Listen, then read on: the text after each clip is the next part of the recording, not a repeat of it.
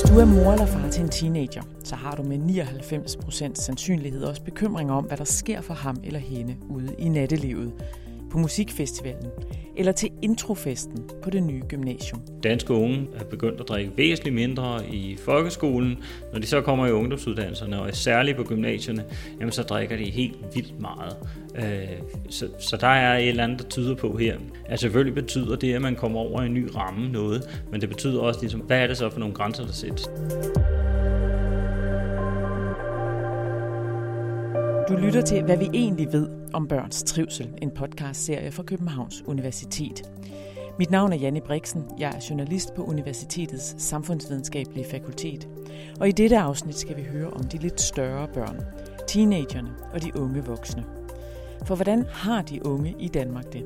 Og hvorfor drikker de mere alkohol end de fleste andre unge i resten af Europa? Øh, dem, der drak meget, og dem, der gik meget til fest, de fik kun få lov til at definere, ligesom, hvordan det var at være ung. Og det, øh, det betød så også, at dem, der ikke drak, jamen, de lå et eller andet sted under for et eller andet form for pres, for de havde jo også lyst til at være nogle af dem, der var rammesættende i klassen, og nogle af dem, der også havde popularitet osv. Så, videre. så derfor skabte alkoholkulturen også nogle, øh, faktisk et socialt pres helt ind i skoleklasserne. Jakob Johan Demand er lektor i sociologi en af dem, som undersøger sociale tendenser. Og siden starten af sin karriere har han især studeret ungdomskulturen i Danmark. Danske unge opfører sig rigtig godt. De har, de har styr på det meste af deres liv. De øh, har i helt overordnet set en rigtig god, altså de har en stærk moral, det vil sige, de har en forståelse af, hvad der er rigtigt og forkert, og de handler også efter den i ganske høj grad. Og det øh, kan vi blandt andet se på, at sådan noget som øh, ungdomskriminalitet, det er faldet altså ganske voldsomt, øh, øh, især siden, siden 90'erne. Det.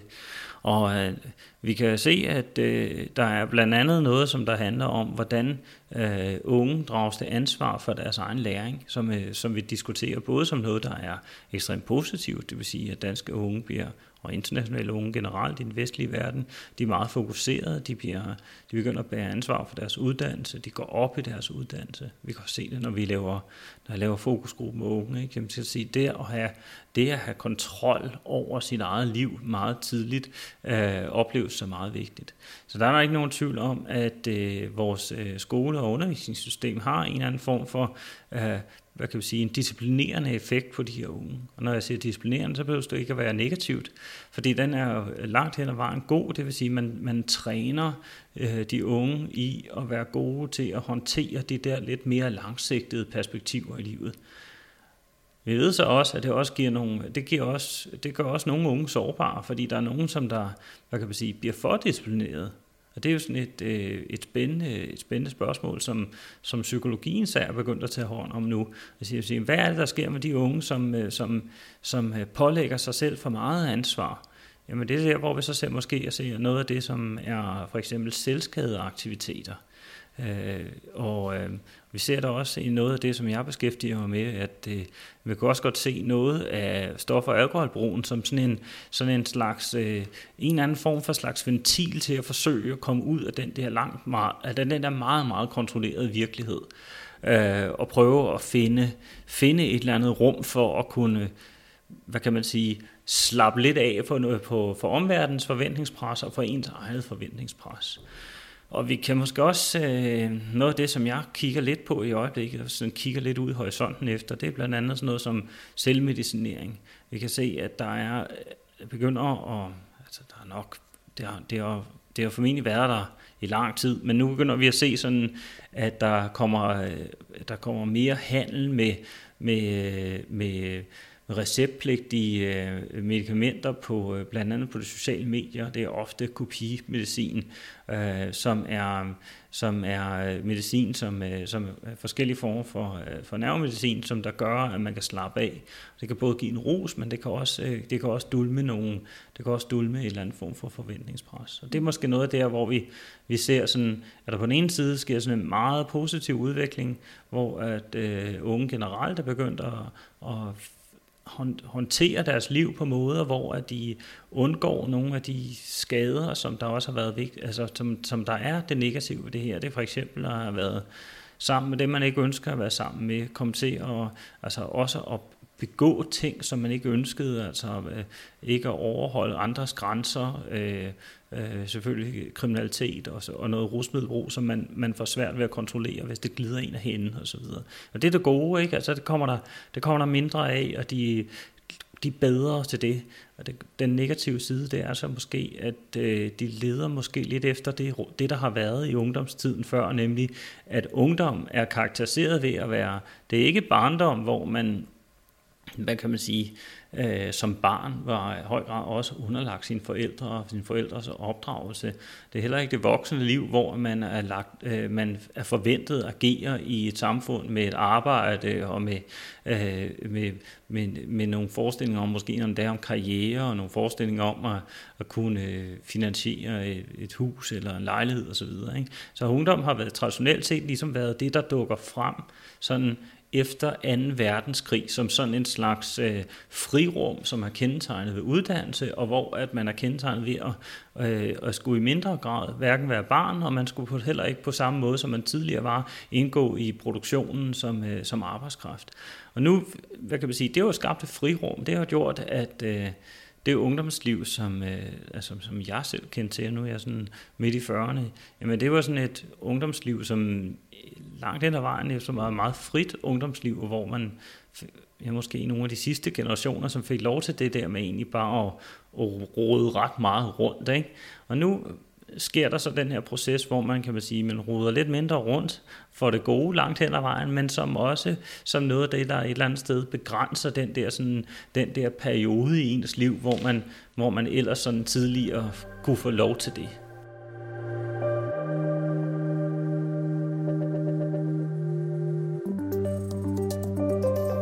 I forskningsprojektet YODA, Youth, Drugs and Alcohol, har Jakob Demand og en gruppe andre forskere i 10 år fulgt 2.000 danske unge, der alle er født i 1989, for at kortlægge de unges forbrug af alkohol, hash og hårde stoffer, og for at se, hvilken indvirkning rusmidlerne har på de unges liv.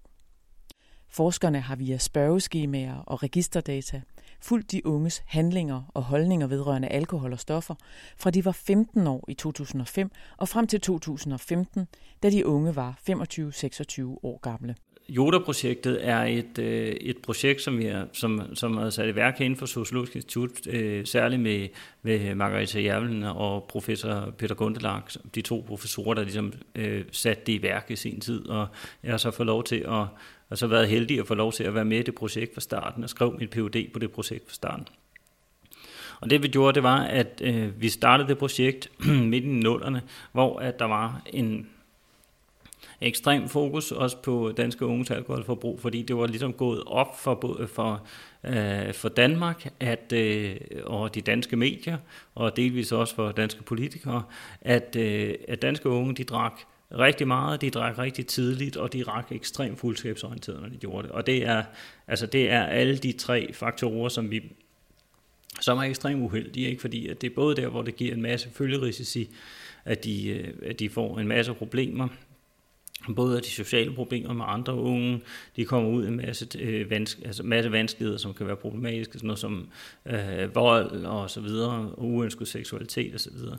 Øh, men det er også noget der, hvor vi så siger, at når man drikker så tidligt så fuldskabsorienteret, jamen, så har det også været der, hvor man har været en særlig fokus på det folkesundhedsmæssige. Hvad forskerne kunne se er, at mange unge er en del af en alkoholkultur, hvor adgangsbilletten til det sociale fællesskab går gennem drukleje og høje promiller og hvor døren til det gode selskab er lukket for dem, der ikke ønsker at drikke alkohol.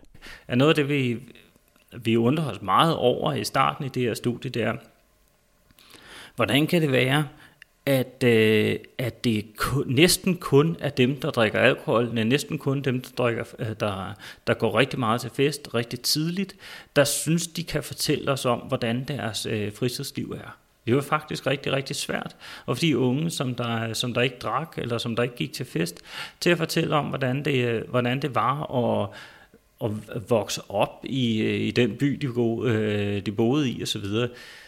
Det undrede os meget, og der blev vi øh, meget opmærksom på senere, jamen at det der foregik, og vi lavede fokusgrupper med det her, det var, der var faktisk en social dynamik, hvor at, øh, jamen, at dem, der drak tidligt, øh, dem, der drak meget, og dem, der gik meget til fest, de kunne få lov til at definere, ligesom, hvordan det var at være ung. Og det, øh, det betød så også, at dem, der ikke drak, jamen de lå et eller andet sted under for et eller andet form for pres, for de havde jo også lyst til at være nogle af dem, der var rammesættende i klassen, og nogle af dem, der også havde popularitet osv. Så, videre. så derfor skabte alkoholkulturen også nogle øh, øh, faktisk et socialt pres helt ind i skoleklasserne og helt ind i venskabsgrupperne, hvor at det var sværere at være de unge, som der ikke drak alkohol, end de unge, som der drak alkohol. Og det pres, det var ikke sådan et, som øh, når vi har, har blevet diskuteret nogle gange i medierne, at man kalder det et, øh, man taler om et drikkepres. Det vil sige, at dem, der drikker meget, de får dem, der ikke drikker så meget til at drikke mere. Og det er ikke det, der er til, øh, tilfældet. Det, der er tilfældet, det er, at dem, der ikke drikker så meget, jamen, de har lyst til og ønsker at, at genspejle sig også i den anerkendelse og succes, som dem, der drikker meget, har. Så derfor er det nogle meget mere usynlige processer, og også meget mere usynlige processer for de unge. Og den og det, hvad kan man sige, det dominansforhold, så dem, der drikker meget, har, øh, i hvert fald på det tidspunkt, hvor vi starter med at lave studiet, det er i høj grad det, som, som vi siger, jamen det er meget med til at forklare, hvorfor vi har den alkoholkultur, vi har i, i Danmark.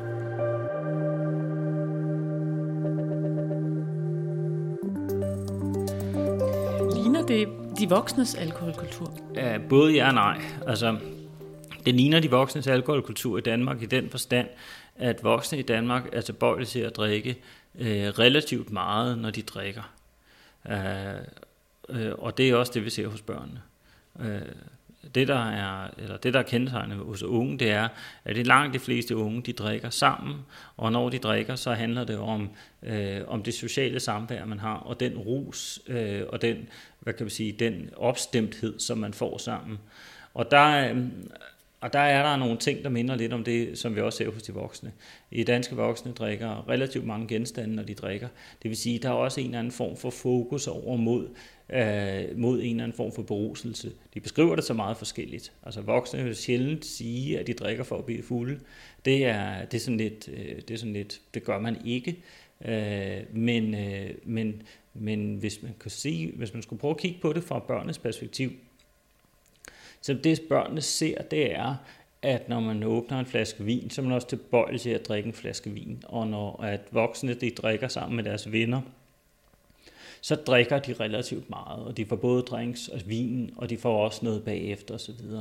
Øh, og på den måde, så, øh, så mimerer de unge måske også de voksne kultur i en eller anden grad. Så derfor skal vi også passe på med ligesom at sige, at, det, at de unge, som der, er, som der egentlig gør noget særligt mærkeligt, Altså, man kan nærmere sige, at de unge gør det, der er ekstremt forventeligt. De kigger på deres øh, forældre, øh, eller i hvert fald på mange af deres forældre, og ser på, hvordan gør de.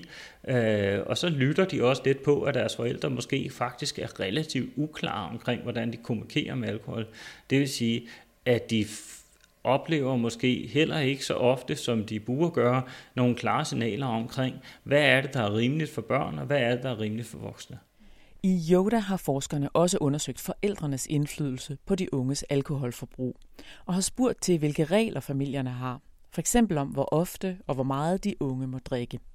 Og selvom du er teenagemor eller far, og måske tænker, at det nytter ikke noget med regler, for du kan jo alligevel ikke kontrollere, hvad der sker til festen, så kan forskerne se, at jo, strenge alkoholregler hjælper faktisk. Jakob Demans forskning viser nemlig, at kun 2% af de unge ofte drikker sig fulde i 15-årsalderen, hvis de i de tidlige teenageår var underlagt forældreregler om højst at måtte drikke to genstande til en fest. Hvorimod hele 20% af de 15-årige fra hjem med løsere alkoholregler fortæller, at de har drukket sig fulde inden for den seneste måned af de forældre, som havde, havde meget afslappede regler for deres børn, eller nærmest slet ikke regler, jamen der kunne vi se, at det var også der, hvor børnene de i høj grad drak. Øh, øh, drak både tidligt, og de drak meget fuldskabsorienteret. Hvor de forældre, som havde, havde grænser for, hvor meget de unge måtte drikke, både i forhold til øh, hvor mange genstande de måtte drikke, men der var også nogen, der havde grænser for, hvor lang tid måtte være ude, for eksempel. Jamen, øh, der kunne vi se, at de unge, de drak så også væsentligt mindre.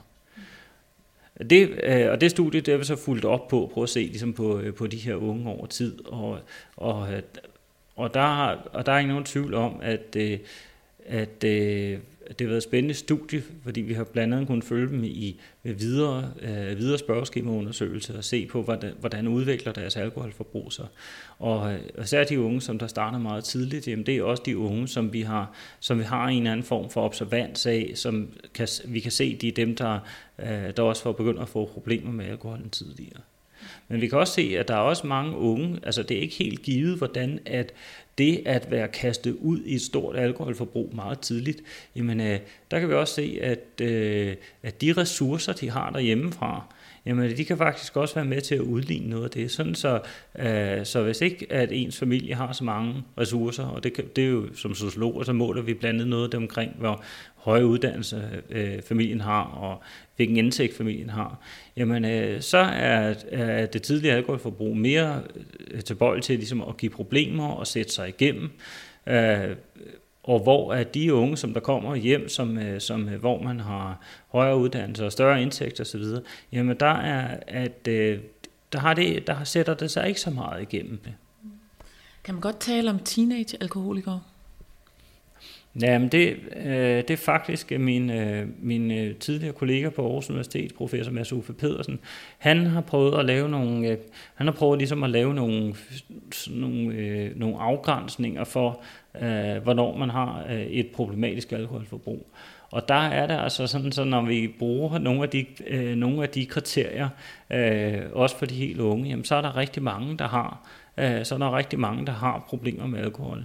Og, øh, og vi ved blandt andet fra noget af den forskning, som, som vi har lavet herinde, men der er jo rigtig mange, der kommer, der kommer ud af det, men der er nogen, der bliver hængende. Så derfor skal vi selvfølgelig være rigtig meget, vi skal også passe på med ligesom at, at komme til at øh, at lave nogle indsatser, for eksempel sådan nogle meget tunge behandlingsindsatser meget tidligt øh, for dem, som der, øh, dem, som man kan måske vil man kunne, kunne få til at ændre adfærd på nogle, med nogle meget lettere greb. Og det handler om, at vi selvfølgelig ikke skal, for det første er det rigtig, rigtig dyrt at lave, lave behandling, men for det andet, så skal vi heller ikke begynde at behandle nogen, som der ikke har brug for det osv. Mm. Så derfor er det en, øh, en lidt vanskelig størrelse. Noget af det, som man øh, i stedet for måske skal kigge på, det er det, der hedder øh, på godt dansk hedder Selected Target Interventions, altså hvor man laver sådan nogle forebyggelsesinstrumenter, øh, som er rettet særligt mod dem, som der drikker rigtig meget. Og øh, jeg er selv ved at prøve at udvikle noget, hvor vi prøver at få penge til at, øh, at, øh, at få det at få det viderearbejdet og få det testet. Og det, øh, der blandt andet vil vi arbejde med, med smartphone-baseret sensoring af deres, øh, af deres, øh, af deres alkoholforbrug, og hvor de hænder, hvor de er sammen med, og så kunne påvirke dem ved at sende beskeder øh, om natten, øh, som kunne stimulere dem til at, at reducere deres alkoholforbrug. Og øh, den form for, øh, den form for sådan adfærdsregulerende instrumenter er muligvis smartere at bruge, især i de, de tidlige år, fordi vi har svært ved at kunne sige noget om, hvem er det, som der reelt hænger ved senere.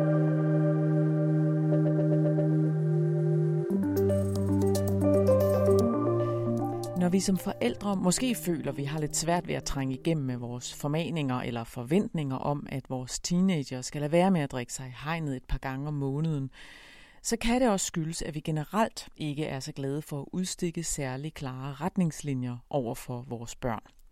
I danske familier taler vi om tingene, og det er langt hen ad vejen godt.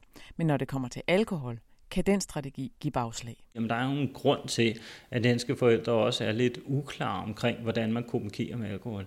Og det er jo fordi, at meget af det opdragelse, som, som, øh, som vi ser, danske forældre har, jamen, den er baseret på, på nogle relativt demokratiske principper. Det vil sige, at det handler om, at man skal kunne lytte til sine børn, og man ønsker at lytte til sine børn. Og man ønsker også at, at, at høre deres argumenter. Det betyder også, at man, hvis man skal argumentere for ligesom at have nogle relativt strenge retningslinjer, så bliver man også nødt til at, ligesom at kunne bakke det op. Øh, og der kan, de måske, øh, der kan forældre måske opfatte sig selv som en lidt mindre legitime, når de gør det, fordi de selv også har en, en alkoholkultur og der er måske, øh, der, og det, hvad kan man sige, selvom det er jo selvfølgelig så, super positivt, at vi har sådan en, en opdragelsesstil, så i forhold til sådan noget som, som for eksempel alkohol, der betyder det bare, at den der sådan meget tillidsbaserede, demokratiske relation, som man kan have til sine børn, den er også lidt begrænser, at man, kan at man får, får talt om, at vi har nogle, nogle standarder for, hvad det er, vi forventer. Og det kan man så, øh, og der, der, skal, der er vi uden tvivl blevet bedre herhen over de sidste 10-15 år siden vi startede med at lave de her studier. Men, men, øh, men det er det, som jeg tror også, vi sådan bøvler stadigvæk lidt med. Vi kan også se, at øh, hvordan kan det være, at det er så usandsynligt vanskeligt at tale om, hvor meget at øh, teenager, der går øh, på ungdomsuddannelsen med at drikke, og hvornår de gør det osv. Jamen der er der en eller anden måske en anden forestilling om, at ligesom at når børnene er kommet i ungdomsuddannelserne, jamen så er de jo selvstændige unge, øh, og så, øh, så, så er der ofte den her præsentation af, at så vil de ikke lytte til deres forældre. Og, og det handler måske mere om, at forældrene de egentlig ikke tør sætte nogle rammer derfor. Øh, den så, der, så selvom der er kommet ligesom nogle forandringer, at det er færreste forældre, som der oplever det, er fuldt ud acceptabelt, at unge drikker, mens de går i folkeskolen. Det var jo fuldstændig acceptabelt i nullerne.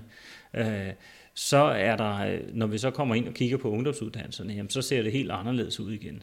Og det er måske blandt andet med til at forklare det, som vi kalder, at der, der ligesom kommer sådan en, en øh, altså et danske unge drikker, er begyndt at drikke væsentligt mindre i folkeskolen.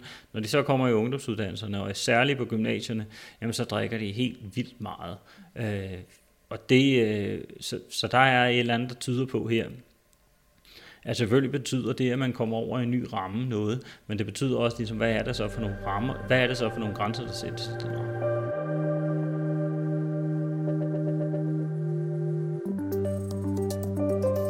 Nu har jeg en datter på 12, mm-hmm.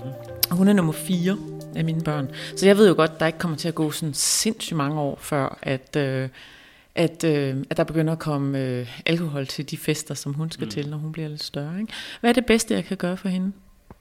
Jamen altså, for det første er det for bedste måske at starte med at sige, starte med at lade være med at sige, at, at du ved godt, der ikke går så sindssygt mange år, før at at der kommer alkohol.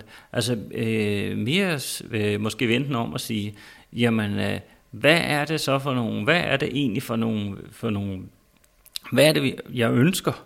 Altså øh, prøv at have nogle, øh, øh, en, en klar, også moralsk øh, tilgang til det her, og ligesom øh, ture have den. Og det, øh, fordi det, der, som, det, som vi måske er tilbøjelige til at sige, det er, jamen, øh, jamen så kan vi dæmme op for noget, der er fuldstændig naturligt ind til et vist punkt. Men du, du nævner jo selv, at, øh, at der i gymnasierne er den her øh, alkoholkultur, som meget går ud på, at vi skal simpelthen være så fulde nu. Ikke? Ja. Fordi, øh, mm. Og på den måde kan man næsten sige, at de øh, også øh, kopierer introforløbene på universiteterne, hvor mm. det jo faktisk er unge voksne. Mm. At øh, det, det drejer sig om at komme til at kende hinanden ind i løbet af meget kort tid, og iført en ret høj promille. Mm. Ikke? Men det er så det, jeg egentlig hvad kan man sige, fisket efter, det er, at når man så står og er mor til en teenager, og man tænker, om fire år, så skal hun starte i gymnasiet. Mm. Øh, hvordan, det er jo ikke fordi, jeg vil tage den diskussion med hende i morgen, men hvordan, hvordan skal jeg som, som mor til en 12-årig, når, når hun nærmer sig for eksempel gymnasiealderen, hvor der er meget druk, hvordan, hvordan, skal jeg, hvordan skal jeg agere over for hende? Hvad er det smarte? Jeg tror, man skal agere på flere niveauer. Uh, man skal ikke underkende den betydning, som forældrene har, både i forhold til øh, til sine børn og i forhold til øh, opdragelsen. Man skal heller ikke underkende den øh, betydning, som forældrene har over for, for, for institutionerne, altså gymnasierne.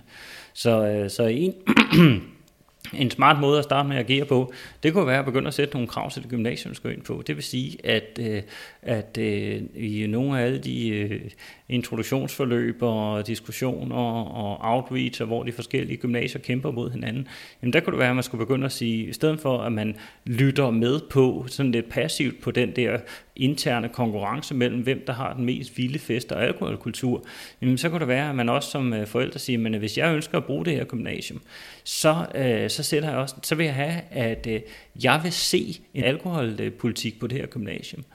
Og det, der så er brug for, det er, at gymnasierne de går ind og laver den i samarbejde med eleverne, fordi den skal selvfølgelig funderes i også en konkret kulturforandring. Så det kan være en måde ligesom at forsøge ligesom at støtte op om det, som gymnasierne åbenbart har svært ved selv. Øh, jamen, og så er det jo øh, et spørgsmål om i kommunikationen med, med sit barn, om at man på den ene side har en man selvfølgelig har en lydhørhed over for, hvad er det for nogle forventninger, det her barn har over for, hvad er det, der skal ske, når man træder ind i gymnasiet. Og der kan det godt være, at øh, jeg, har lavet, jeg har lavet studie blandt andet som opfølging på noget af det her fokusgruppestudie, som vi lavede tilbage i nullerne. Jamen så, så, øh, så fulgte vi op på det i, øh, øh, i først i 2010 og så i 2017. Og det vi kunne se, det var, at de forventninger, som de unge har i forhold til gymnasierne, det er nogle meget overdrevne forventninger. Det vil sige, at de forventer, at den her alkoholkultur, den bliver fuldstændig vild. Men der er altså stadigvæk også stor forskel på, hvordan de unge de drikker gymnasierne. Selvom der er druk, øh, selvom der er meget druk, så er der også nogen, der ikke drikker. Der er også nogen, der drikker mindre osv. Så måske er noget af det, som man kan fortælle sit barn, jamen det er jo egentlig prøve at få nogle mere realistiske forestillinger om, hvad det er, der foregår på det her gymnasium. Fordi at selvom, at det, selvom der øh, er en problematisk alkoholkultur, så er det jo stadig ikke Ragnarok, øh, som, øh, som de kommer ud i. Og det er heller ikke sådan, så man slet ikke kan få nogen venner, hvis ikke man indgår i en alkoholkultur osv. Og det er måske en, øh, det er måske en kommunikation, som det også er vigtigt at prøve at få frem, og, og, og måske at være med til at prøve at undersøge sammen med, med, med sit barn. Altså øh, finde ud af, hvad foregår der egentlig? Hvad er det egentlig, der sker? Øh, det er jo sådan, som heldigvis er der også mange af uddannelsesinstitutionerne, ungdomsuddannelsesinstitutionerne, som flytter sig i øjeblikket det vil sige, at der er flere steder, hvor sådan noget som sådan en torsdagscafé, det, det skal ikke være noget, der knyttes til alkohol, fordi der er en læringsdag dagen efter. Fordi noget af det, vi ved, øh, også for, for forebyggelsesforskningen, det er at sige, hvis du har forventninger om, at du, øh, at du skal kunne drikke meget for at kunne passe ind, så efterlever du de her forventninger. Og det vi kunne se på de der fokusgrupper, som vi lavede der i 2017, jamen det var faktisk, at de så et eller andet sted 9. klasse lidt, især den sidste del af 9. klasse, som også som sådan lidt en træningsbane på, og nu skulle de over i de her ungdomsuddannelser. Det vil sige, man kunne jo ikke komme over i ungdomsuddannelserne og så ikke vide, hvordan man drak. Fordi det vil jo være dybt pinligt, og det er jo fuldstændig absurd et eller andet sted. Ikke? Øh, det vil sige, de trænede sig selv ud fra nogle forventninger om, hvad de troede, der foregik på de der gymnasier. Og de har jo egentlig, altså ja, der er for meget druk stadigvæk, men det er ikke det eneste, der er. Så det kunne jo være noget af det, man snakkede om.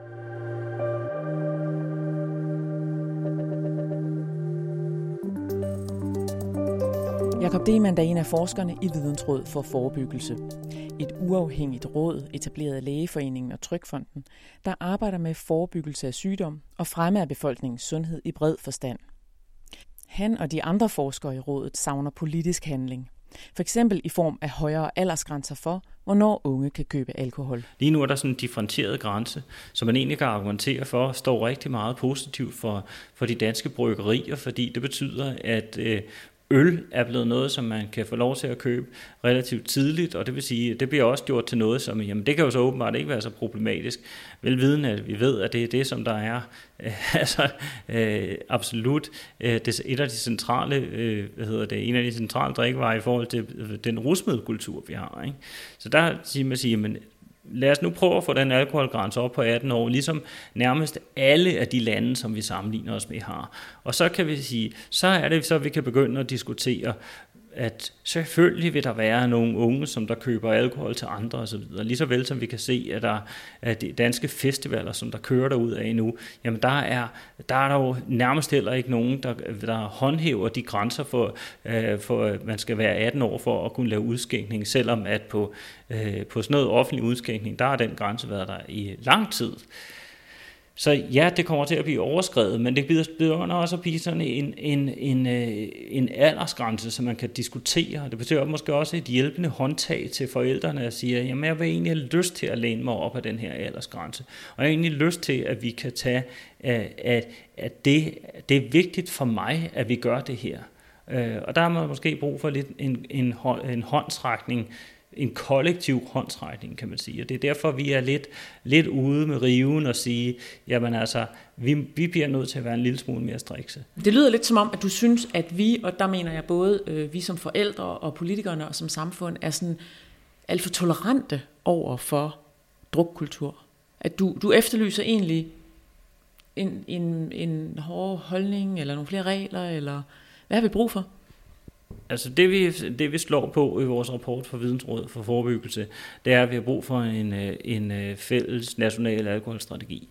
Det, vi har øh, vi har vidst i rigtig mange år, at øh, der er ligesom tre sundhedsfaktorer, som der er rigtig væsentlige i forhold til, at, øh, at man påvirker folks liv, og det er rygning, og det er fedme, og det er alkohol.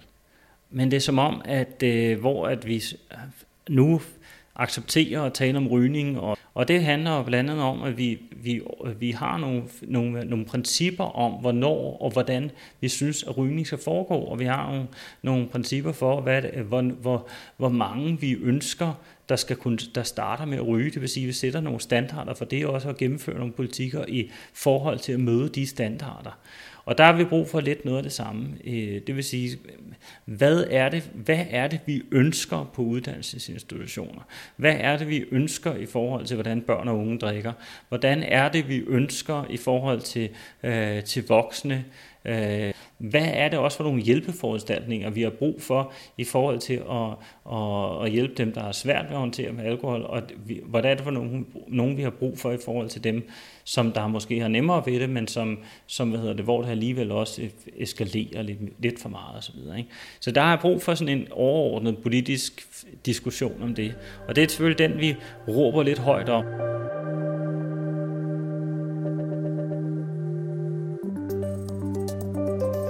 Hvad mangler vi at vide? Hvad, hvad vil du gerne mere vide om unge og alkohol? Jamen, altså, vi mangler at vide noget om de der sociale processer, sådan helt up to date.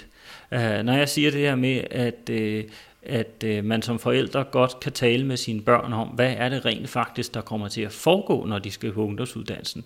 Fordi at den der fortælling om ungdomsuddannelserne, som der er særligt hersker blandt de unge selv, om at det, nu skal man feste, og nu skal man give den gas, og det skal man så gøre samtidig med, at man skal lære rigtig meget. Ikke? Jamen, øh, den fortælling, den skal vi også have brudt lidt op. Så vi har brug for noget, vi har brug for noget ny forskning, vi har brug for noget forskning af, i, i, øh, både om, hvad er det for nogle kulturelle forventninger, der er blandt de unge til det, der foregår, når de skal træde over i ungdomsuddannelserne. Vi har også brug for nogle, øh, vi har også brug for noget forskning omkring, hvad er det, der virker i forhold til, til forebyggelse. Det vil sige, hvad, hvad virker, hvis, øh, hvis ungdomsuddannelserne går ud og gør noget nyt Altså er det, øh, virker det blandt andet godt, hvis de laver alkoholpolitikker, som der, som der, øh, som der øh, laves i samarbejde med de unge. Og så har vi brug for at, øh, så har vi også brug for ligesom at få, for noget, for noget helt andet, nemlig de unge, som der falder rigtig meget igennem på det her. Altså de unge, som, får et, øh, som har et meget voldsomt alkoholproblem.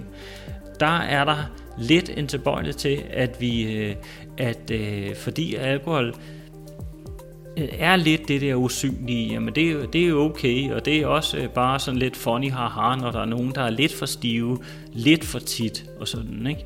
Det, øh, der har vi brug for ligesom også at, at, at finde ud af, hvordan er det, vi hjælper de unge, som der har svært ved at kontrollere det her, og unge voksne også, altså når de bliver lidt ældre, hvordan hjælper vi dem ind i en eller anden form for, øh, en eller anden form for rådgivningssammenhæng, øh, eller en eller anden form for terapeutisk sammenhæng, så vi kan hjælpe dem til at kontrollere det alkoholbrug, sådan så det ikke på længere sigt udvikler sig og kommer til at skade dem øh, og deres liv, og især også dem, som de så øh, skal leve sammen med.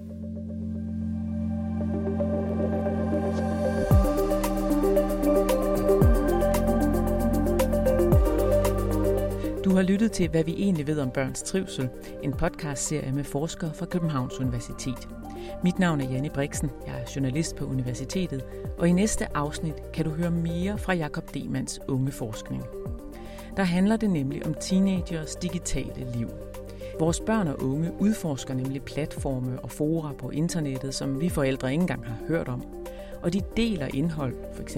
billeder af sig selv, som nemt kan falde i de forkerte hænder. En vigtig del af danske øh, unge menneskers seksuelle kultur, det er, at man deler billeder, og man deler også intime billeder. Så hvordan passer vi på vores børn i en verden, vi dårligt selv kan overskue? Det bliver vi klogere på i næste afsnit.